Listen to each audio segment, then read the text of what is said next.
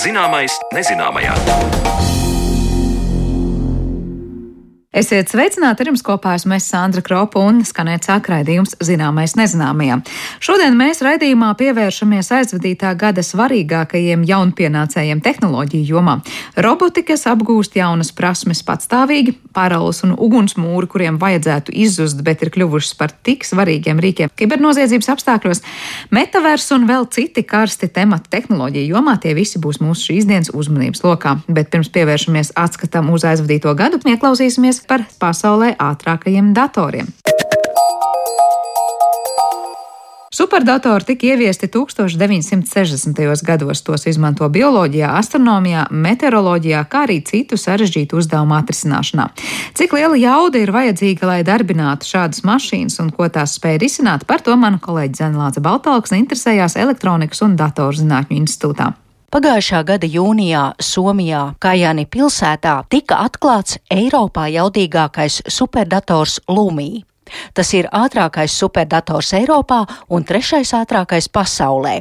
Tā skaitļošanas jauda ir vairāk nekā 550 petaflopi sekundē, jeb tas veids 550 miljonus operāciju sekundē, ko var salīdzināt ar pusotra miljona jaunāko klēpju datoru jaudu, kas sakrauti kaudzē veidotu vairāk nekā 23 km augstu torni. Lumī un citi tā superradinieki noder, lai risinātu datus medicīnā, klimata pārmaiņās, pilnveidotu mākslīgo intelektu jeb mašīnu mācīšanos. Kā šādi giganti darbojas un kādu enerģiju tie patērē, to skaidro Elektronikas un datorzinātņu institūta vadošais pētnieks un direktors un Latvijas Zinātņu akadēmijas akadēmiķis Modris Greitāns. Kā jau pats vārds super nozīmē, ka tas ir kaut kas vairāk, kaut kas īpašāks nekā parastais dators.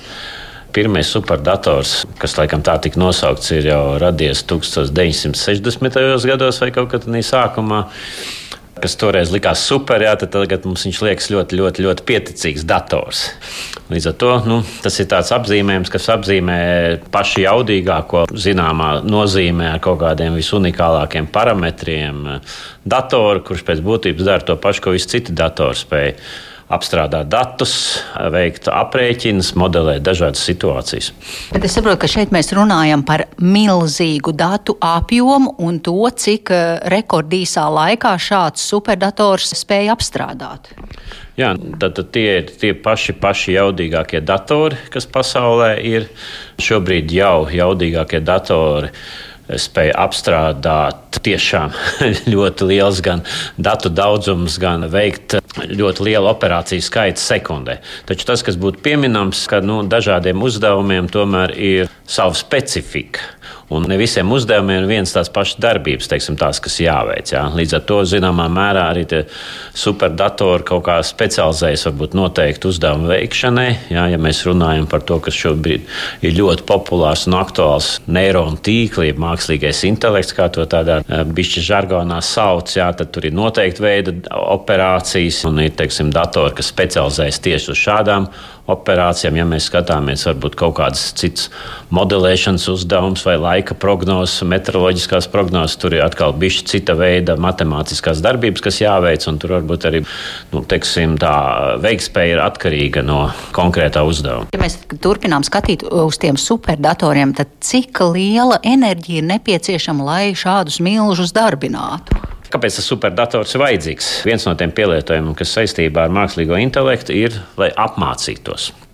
Jo mākslīgais intelekts ir tik gudrs, cik viņš ir apmācīts. Tur nav nekāda brīnuma. Un, eh, ņemot vērā, ka tomēr mākslīgais neirons, jeb tas datorizētais neirons, atšķiras no dabīgā neirona. Viņš ir vienkāršotāks variants. Tad eh, tā apmācība šobrīd mākslīgam intelektam notiek ar nu, brutālā spēka palīdzību. Jeb ar ļoti daudz piemēriem, rādot, rādot un rādot, lai varētu apmācīt, atpazīt kādu objektu, kādu dzīvnieku attēlos tad uh, tā enerģija, kas tiek patērēta, dodot kādus miljonus attēlus, lai to visu varētu apmācīties, jā, tā enerģija, kas tiek patērēta, ir krietni, krietni lielāka nekā cilvēks patērē to enerģiju, lai izdarītu to pašu darbu. Jo, starp citu, cilvēks smadzenes patērē apmēram 20, 30, 40 vatus. veicot visu, ko mēs darām.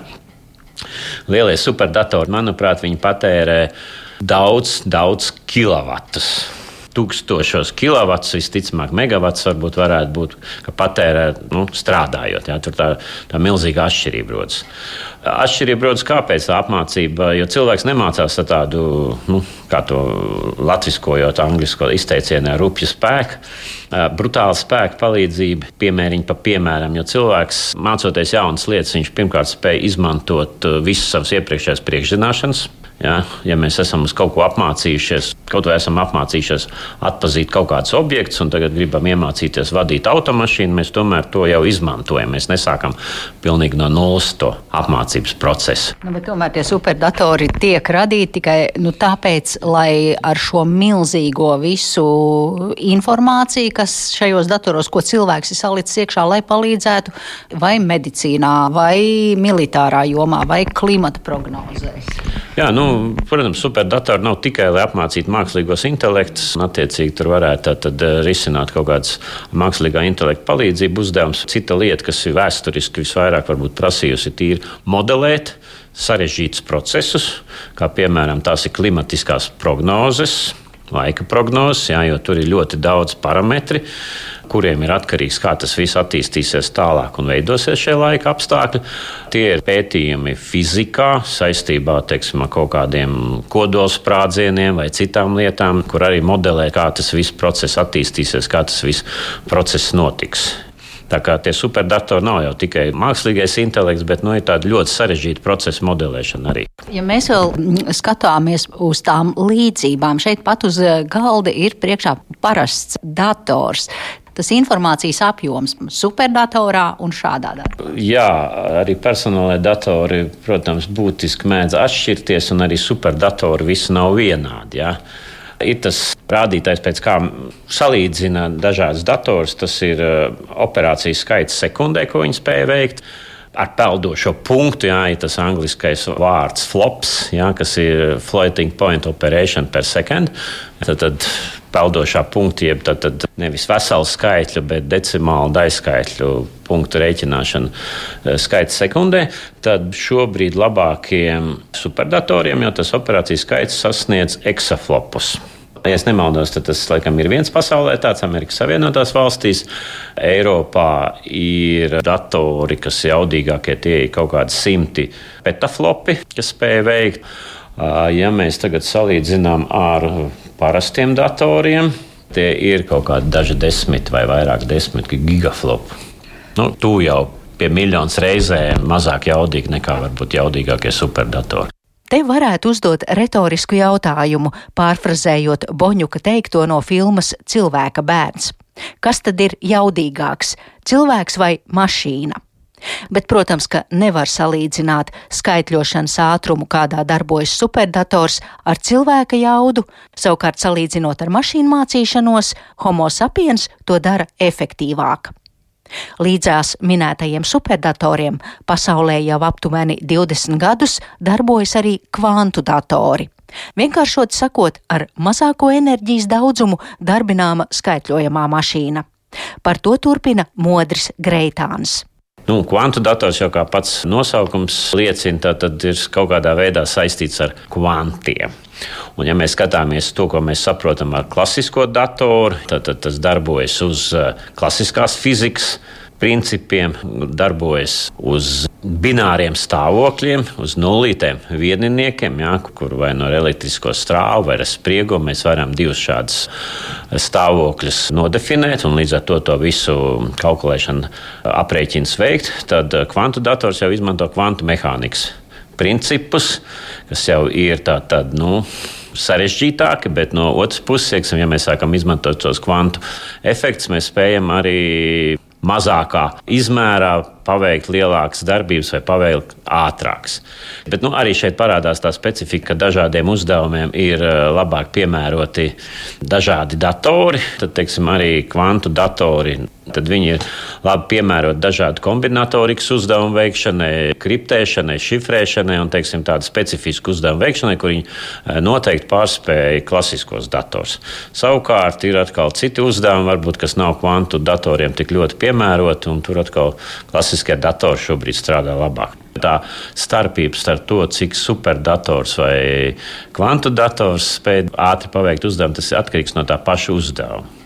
Jo šeit, ja mēs tā atkal pieskaramies pie tiem pašiem datoriem, mēs arī tādu nu, dators, dators, bet arī parastajiem vai tradicionāliem datoriem ir dažāda veida procesori, kuri ir orientēti uz noteiktu darbību veikšanu. Ja, ir parastais centrālais CPU, kā angļuiski to saka, centrāla processing unit, kas ir paredzēts universālām darbību veikšanām. Bet tajā pašā laikā, ja mēs skatāmies tos pašus neironu tīklus, kad tiek apmācīti, jā, tad tiek izmantot grafiskie procesori, kuri tātad ir orientēti uz noteiktu veidu, teiksim, reizināšanu un noteiktu veidu darbībām, uz ko viņš ir specializēts. Un ja mēs tā skatāmies varbūt uz to tālāko nākotni, jā, tā tad ir vairāk gadījumu pasaulē, kad tiek superdatori savienoti ar kvantu kvantu datoriem, jā, Somijā, kur ir viens no Eiropas jaudīgākiem superdatoriem. Arī viņi ir apvienojuši to ar kvantu datoru, ar domu, jā, ka atkarībā no tā uzdevuma tad, tad novirzīt noteikts daļas, kas tiek risināts uz kvantu datoru, citas daļas tiek risināts uz tradicionālā datora.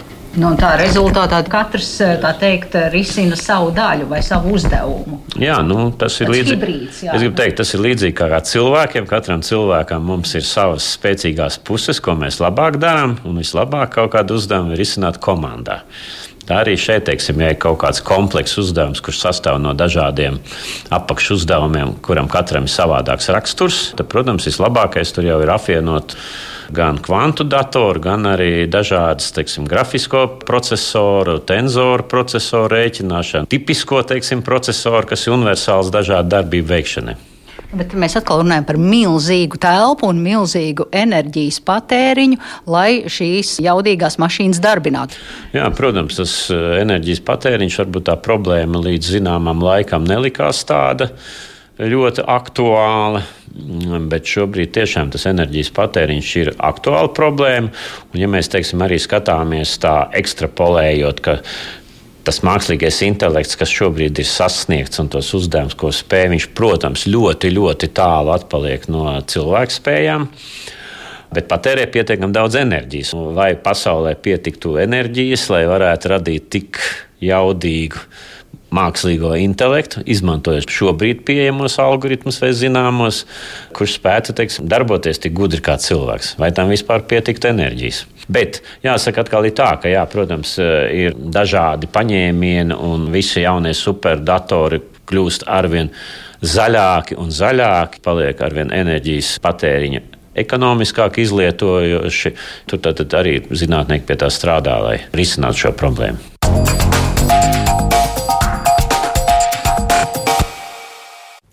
Paldies Zanēlācei Baltalksnei par sagatavoto sižetu. Dzirdējām stāstu par pasaules varenākajiem superdatoriem, bet par citām tehnoloģijām, kas izcīnīja vietu ziņu virsrakstos aizvadītajā gadā, saruna pēc brīža.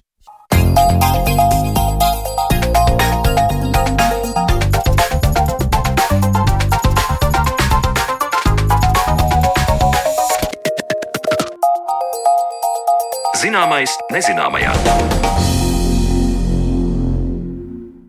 Turpinot atskatīties uz pagājušā gada notikumiem zinātnē, noteikti nevar ignorēt tehnoloģiju jomu. Kiberdrošības jautājumi, metavers, kas jau ieguvis stabilu vārdu pasaulē, mašīnu mācīšanās un daudz kas cits tehnoloģiju atklājumu ziņā ir sasnieguši mūs, liekot domāt gan par to, kādas problēmas tās spēs risināt un kādu jaunu kārtību diktēt jau drīzā nākotnē. Lai par to visu runātu un vairāk komentētu, es studijā esam aicinājuši IT speciālistu un skolio tehnisko direktoru Aigaru Jaundalderu. Labdien! Kā arī tehnoloģiju apskatnieku un raidījumu digitālās brokastis veidotāju Arti Ozoliņu. Labdien! Sveiciens no piekdienas brokastis laika! Jā, tieši tā, mēs esam, kā teikt, nu, kolēģi tikušies mazliet citā laikā un uh, citā dienā, bet uh, jautājot par to, nu, atskatoties uz nu jau 2022. gadu, kas liekas jau diezgan tālā pagātnē, pat, kas jums liekas, ar kādām sajūtām tehnoloģiju ziņā šis gads ir aizvadīts ar kaut ko tādu sen gaidītu un izdevušos, ar vairāk kā, kaut ko gaidījām vairāk un sanāca mazāk nekā gaidīts un vairāk bija tāda tā kā vilšanās. Aigars sākšu ar to, to pusi. Jā, nu, IT tādā plašākā izpratnē nozare laikam nevar žēloties par interesantuma trūkumu vai, vai, vai stagnāciju. Protams, diemžēl pagājušais gads, it sevišķi saistībā ar kiberdrošības jautājumiem, ir ienesis um, daudzas um, nepatīkamas izmaiņas saistībā ar karu Ukrainā un tā sekām arī kibertelpā. Līdz ar to ja runājam par kiberdrošību, tad, diemžēl, tā tendence apdraudējumiem sāsināties ir, ir aizvien pieaugoša. Te gan ir jāatzīmē, ka reizēm mēs pārāk daudz runājam par tehniskām lietām, rīkiem, kā kaut ko ierobežot, neļaut darīt vai kā savādāk, bet svarīgi ir atcerēties, ka pirmajā vietā tomēr ir un paliek cilvēks. Un cilvēku izglītošana un izpratnes veicināšana par kiberdrošības jautājumiem dažādu cilvēku, no vienkārša lietotāja līdz cilvēkam, kurš veido šādas sistēmas, īstenībā ļoti prioritāra. Mašīnu mācīšanās lauciņā, kas ir tāds, tāds otrs, varbūt mans, manas personiskās arī intereses objekts, arī zin, ir, ir ļoti aktīva attīstība un izaugsme, kur um, lielās kompānijas ir, ir gājušas virzienā, kad izstrādāt aizvien lielākus, universālākus um, neironu tīklus, tā to varētu uh, nosaukt. Uh, bet uh, man pašam personīgi aizrauja un, un prieks redzēt, ka uh, aizvien vairāk attīstās uh, savādākas neironu tīklu trenēšanas metodes. Kur ja līdz šim mēs uh, esam runājuši, ka uh, tas dators nemaz tik gudrs jau nav. Viņam priekšā ir jāparāda, un daudzas reizes jāparāda, lai viņš kaķi at, atšķirtu no uh, ceļa zīmes. Tad šobrīd aizvien vairāk attīstās, un tur, kur es redzu perspektīvu, tādas nepārvaldītās mašīnu mācīšanās, unsupervised learning tehnoloģijas, kur dator, cilvēkam nav jāparāda priekšā datoram precīzi, kurš ir kaķis, kurš ir ceļazīmē. Tur simtiem tūkstošu piemēru izskatā, bet tas dators māk pats.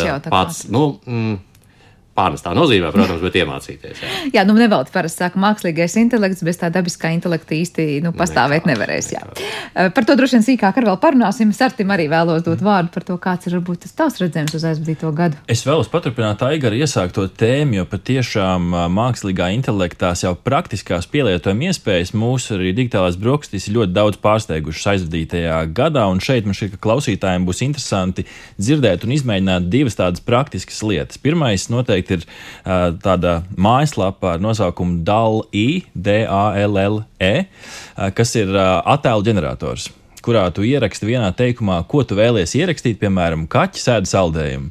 Un tad mākslīgais intelekts, pieminētās aigara dažādas šīs analīzes uh, rezultātā, uh, rada dažādas versijas par to, ko dators saprot ar kaķi sēdi saldējumu. Tātad mums ir jau pieejami praktiski var spēlēties ar attēlu ģeneratoriem. Viņi, protams, izmanto jau esošas bildes, gleznas un tā tālāk par, par pamatu attēlu ģenerēšanai, bet tas mums jau ir rokā. Un uz gada otro daļu mums savukārt plašākai sabiedrībai lielu pārsteigumu radīja teksta ģenerators ar nosaukumu ChatGPT, ko Google var atrast OpenAI, šis atslēgu vārds OpenAI, kur tu chatbotam, vieglā valodā, tā skaitā arī latviešu valodā, tur gan tie rezultāti tādi, tādi uzjautrinoši, bet var paprasīt, piemēram, uzrakstīt īsu eseju par ceļojumu uz Eģipti. Un rezultāti angļu valodā ir patiešām, patiešām pārsteidzoši. Arī starp citu Latvijas zinātnes lauciņā Twitterī vienu dienu uzsprāga šī tēma, vai šādus, jā, vai šādus rīkus var izmantot, piemēram, bakalaura maģistra rakstīšanai. Nu, tur domas dalās. Tā kā šis te ir interesants virziens, kuram noteikti ir vērts pievērst uzmanību arī 23. gadā. Par šo pieminēto rīku es gribēju mm, parunāt nedaudz plašāk. Nu, ja iesākām, tad paturpināsim. No vienas puses, jā, tur ir tie labie stāsti, kur tiešām var uzrakstīt pat esēju un daudz ko citu, un, un neatšķirt, vai to rakstījis, kā teikt, no chatbots vai reāls cilvēks. Tajā pašā laikā es atceros arī tajā pašā Twitterī bija daudz piemēru, kur nu, izskatījās, ka netiek galā ar kaut kādām pamatskolas lietām. Tur vienalga, vai tas ir matemātikas uzdevums, tekstu uzdevums vai kaut kāds mīklas tur minēja un daudz ko citu. Uh, nu, par mīklām varētu teikt, jā, tur var būt citādāk tā valodas izpratne, bet kā ar tiem matemātikas vai tekstu uzdevumiem mēs varam teikt, ka tiešām šī programma šobrīd ir tādā līmenī, ka mums jāsāk, es nezinu, priecāties vai satraukties. Nu, Aigar. Es varu no savas puses teikt, ka chat GPT tas ir manis pieminētais viens no milzīgo tīklu piemēriem, kurš joprojām tiek trenēts klasiskā veidā. Viņam tiek rādīti dažādi interneta resursi, dažādas datu kopas, no kā viņš mācās līdz ar to ja šis teksta uzdevums būs bijis publicēts kādā resursā, vai nu ļoti tuvu tam, nu varbūt citā valodā, kuru viņš māca ticami pārtulkot uz latviešu valodu, kur es piekrītu, vairāk ir jautrības nekā mm, realitātes. Tad, tad tu atbildi iegūsi, bet viņš slikti orientējas pilnīgi jaunā tēmā, kas viņam nav redzēta. Un, protams, jo mazāka ir valoda, jo mazāk šādas, šīs valodas satura tas tīkls trenēšanās laikā ir redzējis. Tad sanāk, šobrīd tas klupšanas akmens ir nevis tajā, ka konkrētais rīks īsti neizprata tās darbības, tā bija latviešu valoda pie vainas, kas varbūt neļauj tam īpaši precīzi saprast formulēto jautājumu. Mm, ļoti iespējams, jā, bet pats fakts ir tāds, ka šis ir piemērs tam, ka tā ir ierastā, līdz šim ierastā tehnoloģija, veids, kā trenēt pareizāk šīs tehnoloģijas. Un jo vairāk datu, jo viņš ir precīzāks, līdz ar to, jo mazāk datu, jo viņš ir mazāk precīzs. Un šāda veida risinājumi mazās valodas nostāda tādā mazāk izdevīgākā situācijā. Ar te bija kas piebilstams pie šā? Es jau atceros no savu studiju laika, savu, savulaik Latvijas Universitātes datorikas fakultātē, ka jau toreiz, tīpaši šiem matemātikas uzdevumiem, jau bija pāris gadus atpakaļ jau labi tādi tiešām ģeneratori, kur tu ieraksti to uzdevumu, un tas patiesībā soli pa solim parāda, kā to arī atrisināt. Un te es noteikti piekrītu Aigaram, ja tas kaut kur internetā ir bijis, tad to noteikti arī varēs atrisināt, kas, manuprāt, nozīmē tikai to, ka uh, būs mazāk nākotnē jāliek uzsvers mācību procesā uz tādu nu, vienkārši uh, skaitļiem un, un vienkārši tādu savu aprēķinu, kā vairāk uz to izpratnes veicināšanu. Jo skaidrs, ka jo šādi kalkulatori un ģeneratori ir plašāk pieejami, jo mazāk, uh, mazā, jo lielāka iespējamība, ka kāds skolēns to atradīs, ierakstīs to uzdevumu un, un, un, un tādā nedomās. veidā paši nedomās. Tiešām. Bet tas, ko jau arī aktualizējāt par to, ko savukārt pētniecības puse mums šeit sociālajos tīklos sāka nu, jā, runāt, uh, ir, nav plaģiātisms, neplaģiātisms var izmantot, nevar izmantot, piemēram, kaut kādas teorētiskās daļas rakstīšanai, šādu te rīku, literatūras apskats, piemēram. Kādas ir tās nostājas nu, nozarē, vai es teiktu, kādi ir tie argumenti par un pret?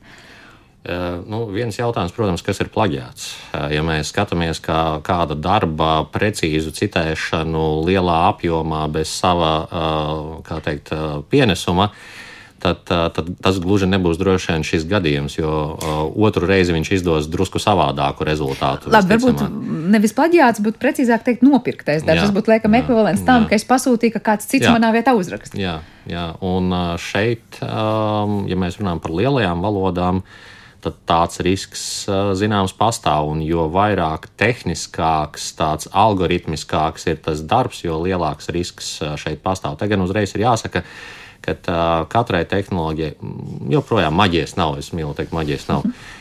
Un šie klasiskie mākslīgā intelekta mašīnu mācīšanās faktiski risinājumi, viņi ar jaunradī nu, nespēja tomēr vēl nodarboties. Līdz ar to, piemēram, datorikas fakultātē, tevis pieminētajā, risks, ka kāds uzģenerēs ar chat GPT strādājošu datorprogrammu savam kvalifikācijas darbam, ir niecīgs. Pagājušā gadā bija pat viens diezgan skaļš uh, gadījums, kur uh, startups, kurš ilgus gadus strādāja pie tāda programmētāju darba automatizācijas rīka ar domu uztaisīt risinājumu, kurš pasaki, ko tev vajag, un uzģenerēs strādājušu programmu, pateica, nē, piedodiet, nesanāca tehnoloģija, vēl nav, tehnoloģijas tik tālu nav attīstījušās, mēs beidzam darbu. Bet, bet ar tām jomām, labi, domāšu par savu savukārt maģistra darbu, savu laiku tēmu, kas, es domāju, ja manā rīcībā būtu bijis šis rīks, es pat neizslēdzu, ka par vides apziņu un atkritumiem Jā. kaut kādu teorētisko bāzi es laikam diezgan veiksmīgi būtu varējusi palūgt uzrakstīt šādai programmai. Ļoti iespējams, te jau jautājums, protams, ir arī par atsaucēm, kas darbā ir jāizmanto. Jo skaidrs, ka veidojot šādus pētnieciskos darbus, mēs izmantojam citu, varbūt pētnieku publikāciju, kaut kādas eh, citātus un būvējam to pamatu, radot to jauno domu. Tad man šeit ir tāds fundamentāls jautājums, vai mākslīgā intelekta ģenerēts teksts var, ir pietiekami leģitīms, lai to izmantotu kā atsauci. Nu, šis šeit jālēm jau ir akadēmiskiem laukam un speciālistiem. Kā ierakstīt atsauci vispār uz tādu? Kura lapuse? Bet, bet, piemēram, Kura ja šis mākslīgais intelekts nebūs tā, ka varbūt pat ļoti precīzi spētu pateikt, šo es ņēmu no šāda avota, to no tāda, pat labāk kā cilvēks. Un proti jau tajā darbā tās atsaucas pat varbūt būtu precīzāk sagatavotas. Nebūs tik vienkārši, tāpēc, ka tā mm, mašīna mācīšanās tīklu rezultātu izskaidrojamība, kāpēc viņš tieši šo ir piedāvājis, ir vēl viena problēma līdz galam neatrisināta. Un īstenībā ir ļoti grūti pateikt tieši no kura resursa viņš tieši šo atbildi ir tā iemācījies un, un iespaidojies visvairāk. Protams, visu laiku sevi ne, ne, neatsauks. Jā. Jā, tas nebūs. Ne, nebūtu nav tik vienkārši. Piemēram, nu, citos pielietojumos, tajā pašā transporta jomā, par ko mēs esam iepriekš runājuši, pateikt, kāpēc viņš uh, ir uh, pateicis, ka šī mašīna ir, uh, šis transporta līdzeklis ir motocikls. Uh, nu, nav nemaz tik vienkārši. Vai laikam piemērs bija par tām ceļzīmēm? Jā, jā, jā, jā. Latvijā, Lietuvā, Igaunijā mēs braucot uzreiz saprotam, kas tā par ceļzīmi, lai gan tur nedaudz vizuāli, kas atšķiras. Un izrādās, ka mākslīgajam intelektam tajā brīdī ir diezgan liels pārmaiņas. jā. Tāpēc, ka ceļu zīmes nav vienādas visās valstīs, izrādās. Izrādās, jā, tas uzreiz ir grūti saprotams. Tad, eh, finalizējot šo konkrēto aspektu par šādiem te rīkiem, jūs vairāk saskatāt, kur ir tie lielie ieguvumi attīstot šādus te chatbotus vai šādus te mākslīgā intelekta piedāvātos risinājumus, vienalga atrast eh, un uzģenerēt attēlu, kur kaķis dzer pienu vai savukārt kāds raksta dzēju vai atbildes matemātiskiem uzdevumiem. Vairāk saskatāt kaut kādus draudus vai, vai, vai, vai ieguvumus. Nu, Draudi tur noteikti pilnīgi pastāv, kā arī dig- digitālās brokastīs uzsvēra Ieva Siliņa. Tad 23. gadā tā viena tendence, kam būs interesanti sekot līdzi, ir, jā, mums ir teksta ģenerators, mums ir audio ģenerators, mums arī tagad ir attēlu ģenerators. Šo visu saliekot skaisti kopā, mēs iespējams iegūsim jau tādus realistiskus video ģeneratorus, kas prasīs mazāku piepūli kaut kādu video materiālu izstrādē. Un šeit noteikti parādās tie draudi, ka cilvēkam arvien vairāk vajadzēs spēt kritiski domāt, argumentēt un izprast, kas ir īsts un kas ir uh, mākslīgs. Jo tur tā robeža, Aigar, uh, man šķiet, ka Nu, sapūdīs nākam vien pie kiberdrošības atkal jautājumiem. Jā. Uh, īstenībā neironu tīklu kiberdrošība neironu tīklu uh, gadījumā ir, ir atsevišķs uh, segments, un ko nozīmē tīkla šāda uh, mašīnu mācīšanās risinājuma drošība.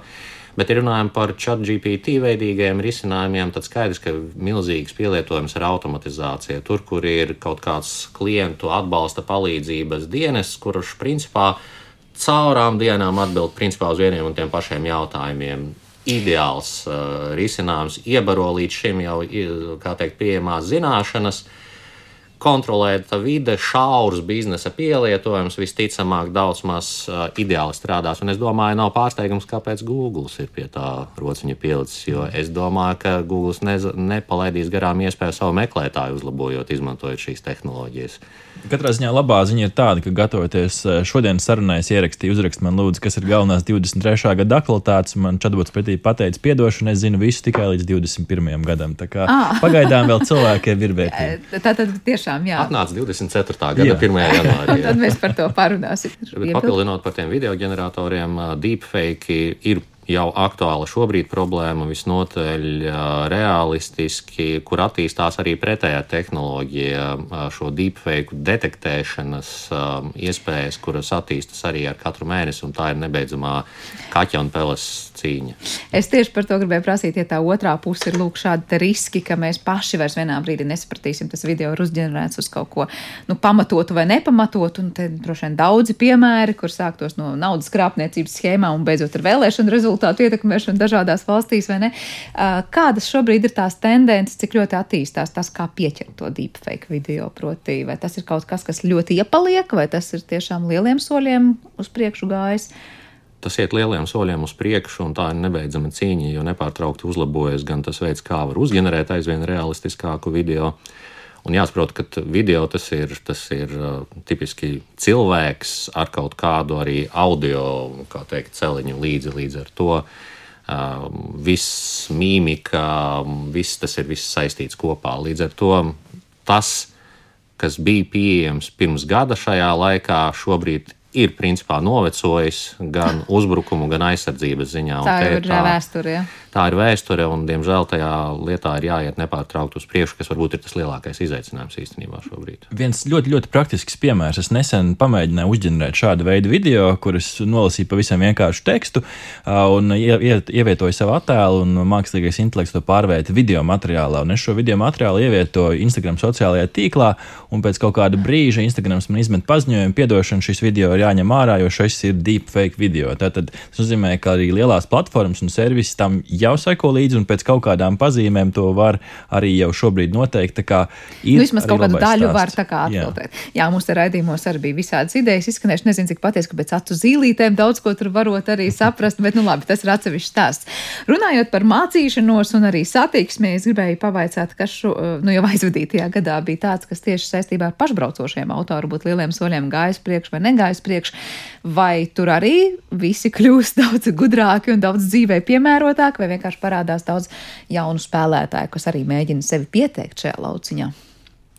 Ar spēlētājiem, man liekas, ir neviennozīmīgi, jo parādās jauni un, un daži vecie aiziet vai apvienojas ar kādu citu. Tas, tas ir aktīvs lauciņš. Uh, joprojām mēs runājam par, par to, ka uh, nu, tas, ko kāds uh, uzņēmums sauc par autopilotu, tas gluži autopilots gluži nav.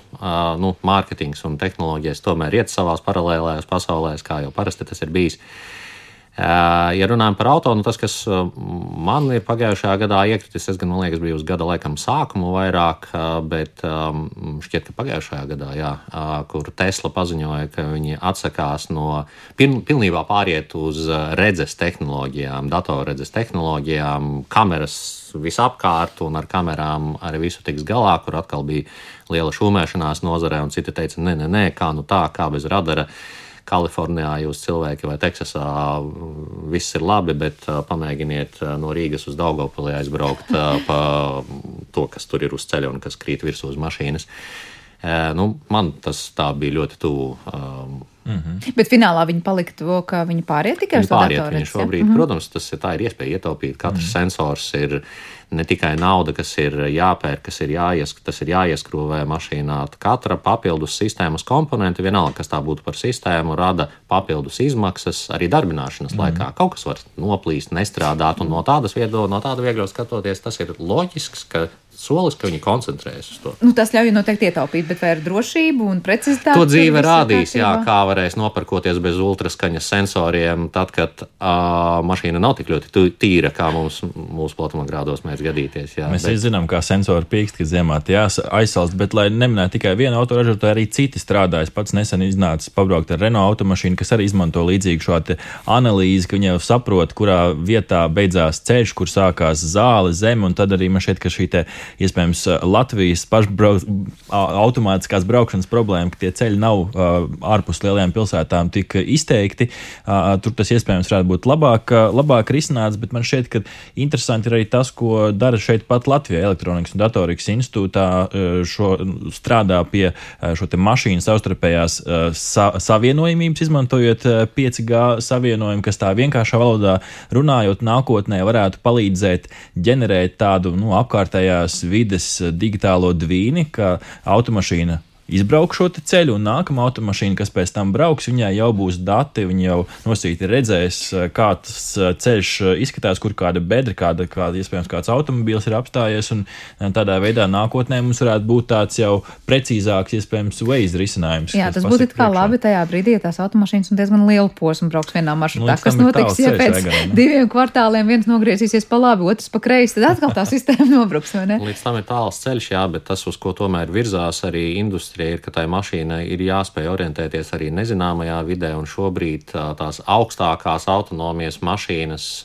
kur, kur ir atļauts vadītājam, kā teikt, neturēties pie stūres, vai kur tā stūra, nu, manā izpratnē vairs nav stūra, bet lidmašīnas kaut kas, viņas tomēr ir atkarīgas no ļoti augstas precizitātes kartēm tajā konkrētajā reģionā. Līdz ar to nākotne tomēr manās acīs ir, ir jāvirzās uz to, ka mašīnai ir jāspēj orientēties arī uz Rīgas apveceļa, kur pat nav divi gā vietām. Bet labi, viens ir tas, kā mašīna orientējās pēc tā, kāda ir ceļa apzīmējuma, kāda ir pati infrastruktūra. Cik lielā mērā klupšanas akmeņi ir tajā, nu, kā uzvedas pārējie auto vadītāji? Un tad es domāju, nu, labi, ja mēs uzliksim atkal tālo nākotni, un visas būs tikai pašbraucošās automašīnas, varbūt, ka tur vēl to sistēmu atrisināsim, jā, tur mašīna ar mašīnu sazināsies. Bet tādā mikslī tas patiesībā diezgan bieži rada dažādus riskus. Pats nesen ar tā, vienkārši parastu cruise control šīs asistentu brauc pa, pa lielceļu divas joslas, un labajā joslā mašīna nedaudz sakustējās pa kreisi, un attiecīgi man mašīna, ar kur es braucu, nodomāja domāja, ka tā veids manevru, lai pārkārtotos otrā joslā un strauji samazināja ātrumu. Kas, nu, ja mēs zinām, kreisā ir tā ātrā josla, un šeit kā aizmugurē aiz manis šoferim bija liels pārsteigums, ko tas priekšā dara. Tā kā šādas situācijas noteikti pastāv, un tas ir risks. Man šķiet, ka tas autovadītājiem ir jāapzinās jau šobrīd, arī jau esošajās modernajās mašīnās, ka tomēr, kā Aigars saka, ir jātur tās rokas uz tās stūres, jo tas pilnībā atdot kontroli šī asistenta rokās nevajadzētu, jo tās situācijas ir tik neparedzējamas, jo mēs jau beig beigās esam pie stūres un mēs esam tie neparedzējumie. Jā, un, protams, ir arī juridiskie jautājumi, ko arī vēl autoindustrija mēģina atrisināt, kurš ir atbildīgs par negadījumu. Katrā gadījumā pilnīgi noteikti, pat ja tu esi nopircis opciju, kas saucas autopilots, es ļoti neieteiktu līst uz aizmugurējo sēdekli un tiktu kā filmēt, kā, kā, nu var, kā viss notiek. Bet runājot par to, kas ir tajā pašā infrastruktūras daļā un ielās, Aigar, mēs tikāmies arī 2022. gadā uz sarunu un daudz runājam par to, kā varētu kļūt gudrākas pilsētas pilsētas un satiksmes organizēšana pilsētās, ka radari mums sniegt daudz vairāk, varbūt un dažādāku informāciju, dažādi svari uz ceļiem un daudz ko citu. Vai mēs esam pavirzījušies lieliem soļiem uz priekšu kaut vai Latvijas kontekstā? Nu, kā mēs esam padarījuši gudrāku mūsu infrastruktūru? Uh, viennozīmīgi arī šeit ir uzsvars uz visu šo dažādo sensoru savietošanu kopā, lai tas tas atsevišķais sensors, vienalga vai tā būtu uh, vienkārši ceļu novērošanas kamera, nezinu, radars, svāri vai kas cits, nebūtu tikai atsevišķi stāvoša kaut kāda kontrola lampiņa, bet lai, lai viņi spētu runāties viens ar otru, piemēram, uh, lai uh, tā pati meteostācija, ja viņa konstatē, ka ir um, nu, sasalstošais lietas. Tad, lai ne tikai mainīgā ceļa zīme samazinātu ātru, atļautu braukšanas ātrumu, nu, vai tieši otrādi, tad, kad ir pārgājusi šī bīstamā situācija, atkal atgriezt atpakaļ uz, uz normālu maksimālo braukšanas ātrumu, bet lai to ņemtu vērā arī visi apkārtējie pārējie sensori. Tas pats ātrumradars pieminētais. Un šajā jomā Latvija, arī Latvijā ir iet uz priekšu, bet standartizācija un šo visu dažādo sensoru saslēgšana kopā inteliģentā veidā datu bagātināšana. Tas ir tas virziens, kur kādā brīdī iesaistās arī pašbraucošās mašīnas, jo daļa no šīs informācijas arī tām ir svarīga. Bet kas mums ir vajadzīgs, lai tā sistēma tiešām strādātu un tie rīki tiktu iedibināti? Vai mēs varam teikt, nu, kamēr mums nav 5G, mēs to vispār nevaram darīt, vai mēs varam darīt, bet citādāk, vai konkrētie sensori un tehnoloģijas šajā jomā ir vairāk jāattīst? Nu, es varu pateikt savu viedokli. Manuprāt, 5G atsevišķos lietojumos dos lielāku, vēl papildus iespējas, bet tas nav iemesls kavēties ar šo tehnoloģiju ieviešanu. Un svarīgākais šeit es pat teiktu, ka nav te problēma tehnoloģijās, problēma varbūt ne problēma, bet tas svarīgākais ir koordinēt šos dažādos projektus, lai, lai viena ceļu posma asfaltēšana ar kaut kā ierakšanu zemē vai blakus vai ceļā būtu, um, kā teikt, saliedēta ar tur pēc 50 metriem nākamā ceļa posma asfaltēšana un arī kaut kā ierakšana uz zemē, kas nevienmēr tā izdodas, jo katrs projekts ir atsevišķs. Tad nav tā savstarpējā saistība. Tas ir izaicinājums. Jā. Jā. Ar kāds vērtējums par to, lai tas notiktu, kas ir mūsu klupšanas akmeņi un kas varbūt būtu. Šeit, Aigars ar ļoti labi tās galvenās nianses iezīmēja. Nu šeit eh, es atgriežos pie tā piemēra par to digitālo dvīnu. Nu, vajag jau būt pietiekami daudz arī šīm sadarbspējīgajām ierīcēm. Un tad eh, tas, ko Aigars min, ka nu, ir dažādi varbūt tās pieejas pieejas, varbūt vēl nav tas, varbūt tas viens standarts visam, visam panākts, un tad tur var gadīties uh, šādas te, jo it kā jau mēs kaut ko visi darām tajā virzienā, bet tā kopējā bilde neveidojās, tāpēc man šķiet, ka ir labi, ka ir dažādas konsorcija un, un, un uh, kaut kāda standarta veidošanas, lai ejot uz priekšu, patiešām mēs visi arī tehnoloģijas runātu tajā vienā valodā un būtu sadarbspējīgas, taču, kā jau Bagars minēja, tas nav noteikti šķērslis, lai nestrādātu pie tā, ir jāiet uz priekšu, jo ir skaidrs, ka tehnoloģijas ir un tās sniedz lielas priekšrocības, ja mēs tās pareizi izmantojam. Noslēdzot mūsu sarunu, pamazām ir vēl viena lieta, ko noteikti gribētos pieminēt, jo arī 22. gadā par to daudz un skaļi runājām. Tas bija šis metavērs piesauktais arī, nu, var teikt, tāda no vienas puses biedējoša, no otras puses interesanta realitāte. Dažādi tehnoloģiju eksperti ir teikuši dažādas lietas, un, protams, tas gala risinājums parasti ir bijis tāds, nu, nestrepsim karstu un nebaidīsimies no tā, kas nav, jo tur būs virkne labu lietu un lietojumu lietu, un nu, tā gluži nebūs, ka pāriesim dzīvot virtuālajā realitātē un drēbes pirksim tur, pulksteņus ražosim tur un mājas īrēsim arī tur, bet tomēr, Arti, varbūt sākšu ar tevi, kas notiek tajā metavērs lauciņā šobrīd, un vai tas ir pavirzījies virzījies 22. gadā uz kaut kādu nu, labo vai slikto mhm. pusi. Mm. Es noteikti varu runāt tādā ziņu virsrakstu līmenī, jo tam tādā veidā esmu arī daudz sekojis līdzi, taču man šeit no malas skatoties, ka mēs joprojām esam tāda praktiskā, reālā pielietojuma meklējumos. Un, lai gan pacietība daudziem ir liela un par to runā daudz, metavers, metavers, man gribētos, lai 23. gadā mēs nonākam līdz kaut kādam reālam, praktiskam pielietojumam. Ja tās ir tās digitālās konferenču tikšanās telpas, kuras tev šobrīd, citi, protams, ir pieejamas, tad ir pietiekami viegli risinājumi tās arī ērti izmantot masām, ka mums ir tas praktiskais pielietojums. Nu, tādā ziņu virsrakstu līmenī redzējām, ka 22. gadā metavers vismaz pagaidām virs tādā nu, tiešām biroja sadarbspējas uh, virzienā. Meta pieminētā uh, sadarbojās ar Microsoft un Accenture uh, tādā globālā šo risinājumu ieviešanas virzienā. Tad, tad skaidrs, ka izklaides iespējas mums ir daudz, uztaisīt savu avataru mēs jau varam šobrīd aiziet paspēlēties tādā virtuālā smilšu kastē, mēs varam. Nu, taču kas, kas, kas vairāk? Kāpēc mums atgriezties tur? Līdz ar to tas ir man šeit šobrīd tādā meklēšanas, meklēšanas stadijā, taču tie pielietojumi ir, cik iztēlē ir, ir vaļas. Aigar iepriekš pieminētie šie te, uh, konsultanti, zvanu centri un tā tālāk, no nu, arī šādus kaut kādus risinājumus iespējams, ka var realizēt, uh, realizēt metaversā. Uh, ir daudz labi piemēri bijuši, starp citu, kur medicīnā šādā veidā tiek lausta tā mm, telpas, telpas problēma, ka vairāk ķirurgi saslēdzās no dažādām pasaules vietām un iespējams apskata kādu nu, virtuālās sirds modeli savā priekšā, lai saprastu, kā šo sarežģīto operāciju labāk atrisināt. Nu, šādi mazie piemēri ir bijuši, taču gribētos redzēt, ka beidzot mēs visi kaut kā varam ērti uh, piekļūt šai virtuālajai videi un, kas ir galvenais, iegūt kādu praktisku labumu, ne tikai paspēlēties. Mm, Jā, es pilnīgi piekritīšu. Un, um, nu, gan es gribu teikt, ka vārdam ir spēks reizēm. Tāpēc kāds um, tāds um, lipīgāks vārds reizēm palīdz cilvēkiem to pieņemt ideju un, un darīt tiešām derīgas lietas. Uh, uh, nu, no kiberdrošības es varu pateikt piemēru, kas šobrīd ir valdošā tendence - Zero Trust. Uh, Tas ir savādāks veids, kā, kā veidot sistēmu aizsardzību pamatprincipu līmenī. It kā tikai vārds, bet tas nu, konsolidē gan, gan nozari, gan, gan arī klientus un, un ļauj nu, fokusēt to, to virzienu, kas ir labi. Un es ceru, jā, ka metavers gala rezultātā atradīs savu vietu, un ja tas vārdiņš metavers to būs palīdzējis, es būšu laimīgs. Bet pagaidām es arī dzirdu, ka tas ir tāds vēl, nākamais vārds, kā runāt par, par lietām, sākot no chatbotiem, beidzot ar paplašināto realitāti, mākslīgo realitāti, kur arī šogad daudzi arī lielie ražotāji, tas pats Apple plāno, cik, zin, nu, cik dzirdēts, cik baumo internetā iznākt ar, ar, ar savu paplašinātās realitātes tām brillēm un vispārējo.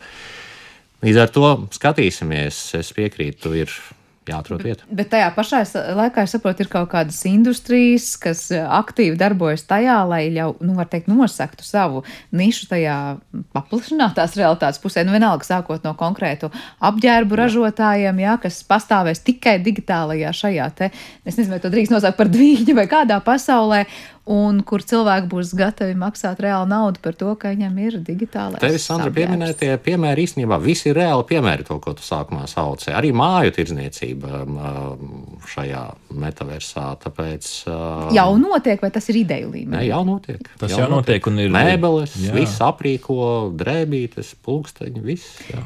To visu jau šobrīd var iegādāties. Tas, tas ir tāds populārs, no angļu valodas par buzzword, tāds tendenci veidojošs, veidojošs vārds. Ja tu gribi būt stilīgs, tad ir jāpamēģina šis, vai tur būs reāls uh, pienesums. Nu, to laikam jau vēl dati rādīs. Un arī, protams, kā ekonomika attīstīsies, tā, tā, tā, tā vēl viena bažas ir tāda, ka ekonomika ejot uz augšu, vēlme izmēģināt šīs jaunās lietas un investēt kaut kādā tādā varbūt ne līdz galam līdz šodien skaidru pienesumu nesošā lietā ir augstāka. Savukārt, tad, kad ekonomika piedzīvos smagākus brīžus, nu, tad šādas brīvas investīcijas samazinās. Tas ir tas, ar ko nozare arī šobrīd, es domāju, saskarsies. Reiķinās.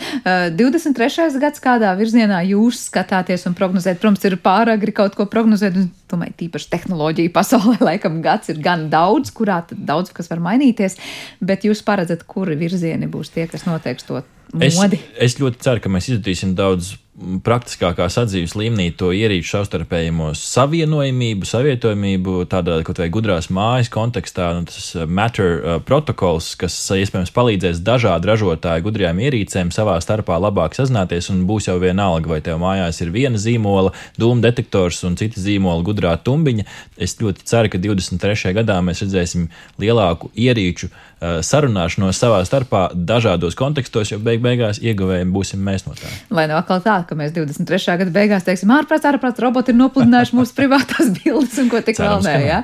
Tā kā tas laikam līdz atkal soli, soli solī ies ar to atkal risku pasargāt savu drošību un pasargāt savu gan īpašumu, gan datus un vispārējo. Egar kādas tendences uz 23. gadu. Jā, un par drošību turpinot viennozīmīgi manis pieminētais uh, zero trust princips, kas šobrīd uh, ASV valdībā ir pilnīgi obligāts uh, visām uh, iestādēm ieviešams, un arī daudz kur citur pasaulē, arī Eiropā, arī Latvijā aizvien vairāk. Uh, Ko tas praktiski no... nozīmē?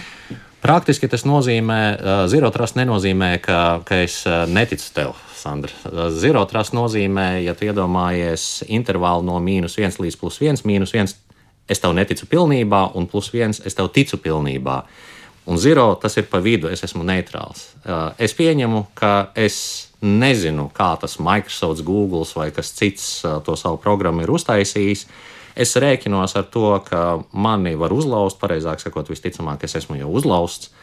Es um, um, strādāju, lai samazinātu šī incidenta um, ietekmi vispār sistēmas pārbūvē, tā lai tas samazinātos.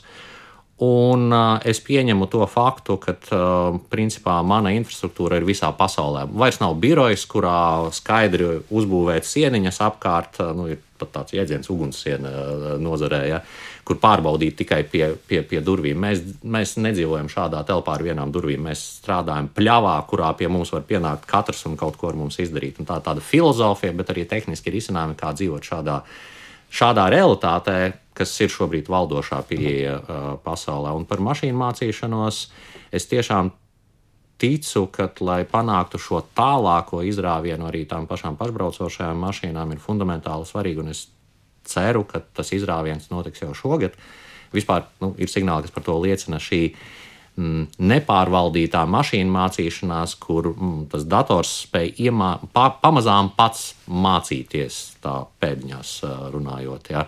Neparādot viņam precīzi cilvēka mm, apvilktas bildītes, kur ir kaķītis, kur ir, kur ir ceļazīme un, un, un kur ir akmens uz ceļa. Ja šīs no manas puses būtu tādas cerības. Jā, jā nu skatīsimies, ko nesīs šis 23. gads, un to, protams, mēs jutīsim tikai pēc gada, bet šodien es teikšu jums abiem lielu paldies par to, ka viesāt skaidrību un tādus punktiņus uz izsalikāt par 22. gadu tehnoloģiju pasaulē.